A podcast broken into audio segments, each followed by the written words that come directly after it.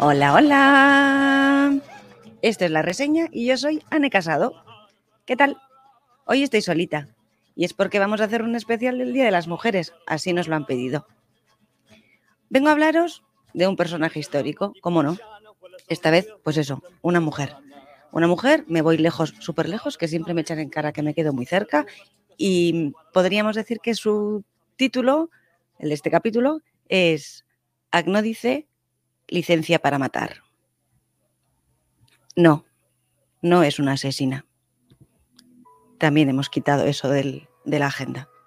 Nada de asesinos, nada nuevo, todo antiguo. Esas cosas que le gustan a Omar. Historia clásica. Omar, un abrazo desde aquí. Os cuento. Agnódice nació y vivió en el siglo IV antes de Cristo. Dicen que fue la primera mujer médico, aunque tengo serias dudas, puesto que antes que ella sí que estaba permitido estudiar medicina. Resulta que los mandatarios de esa supuesta democracia decidieron prohibirles estudiar medicina a las mujeres porque descubrieron que practicaban abortos. Eso es otro tema que ya hablaremos. La primera vez que fue mencionada esta mujer lo hizo Cayo Julio Higinio en sus fábulas escritas entre el 64 y el 17 a.C. Como os digo, esta mujer estudió medicina, pero si no podían hacerlo, ¿cómo es posible? Resulta que, se, como pasa en Mulán, se disfrazó de hombre, fue a Alejandría con el aval de su padre y allí estudió en la mejor universidad o lo que sería una universidad, de medicina. Obtuvo el título y con ella el título que era conocido como la licencia para matar. De ahí lo que os decía al principio. Una vez cursados sus estudios, y parece ser que obtuvo una de las mejores notas, volvió a Atenas. Paseando por Atenas con su atuendo masculino, em, sintió a una mujer que estaba pariendo. Eh, parecía que como supongo que es evidente, gritaba muy fuerte.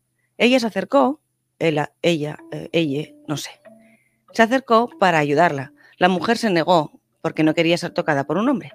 Así que se desnudó y le mostró que era una mujer. La ayudó en el parto y todo pareció ir tan, tan, tan, tan, tan, tan, tan bien que la mujer fue corriendo la voz de lo bien que le había atendido su nueva médico, Agnodice. Así empezó a tener un montón de clientes. Y aquí llega las envidias, que son muy malas. El resto de médicos empezaron a difamar y a decir que ese nuevo médico estaba abusando de sus clientas y lo llevaron a juicio. Al llegar el día del juicio, nuestra protagonista se presentó allí y sus acusadores habían forjado toda una serie de mentiras y falsos testimonios para que le, imputaran esos abusos como médico varón. Ella volvió a desnudarse y demostró que no era un hombre, que era imposible que hubiese abusado de una mujer como varón.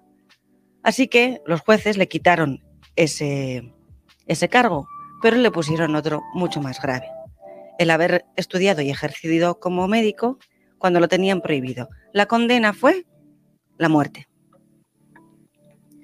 Según parece, las mujeres de los jueces habían sido o eran em, clientes de nuestra protagonista y montaron tal sarao que anularon la pena de muerte a nuestra protagonista y pudo seguir ejerciendo, con la condición de que solo lo hiciera a mujeres. Así que la historia ha querido que esta fuese la primera mujer médico. Y os vengo a contar esta no porque sea solo la primera mujer médico, sino porque me hizo mucha gracia el hecho de que la fuerza de las mujeres hizo que ella continuara con su labor. Así que desde aquí, el especial 8 de marzo va dedicado a todas las mujeres para deciros que juntas hacemos una sociedad mejor. Un besito, chao.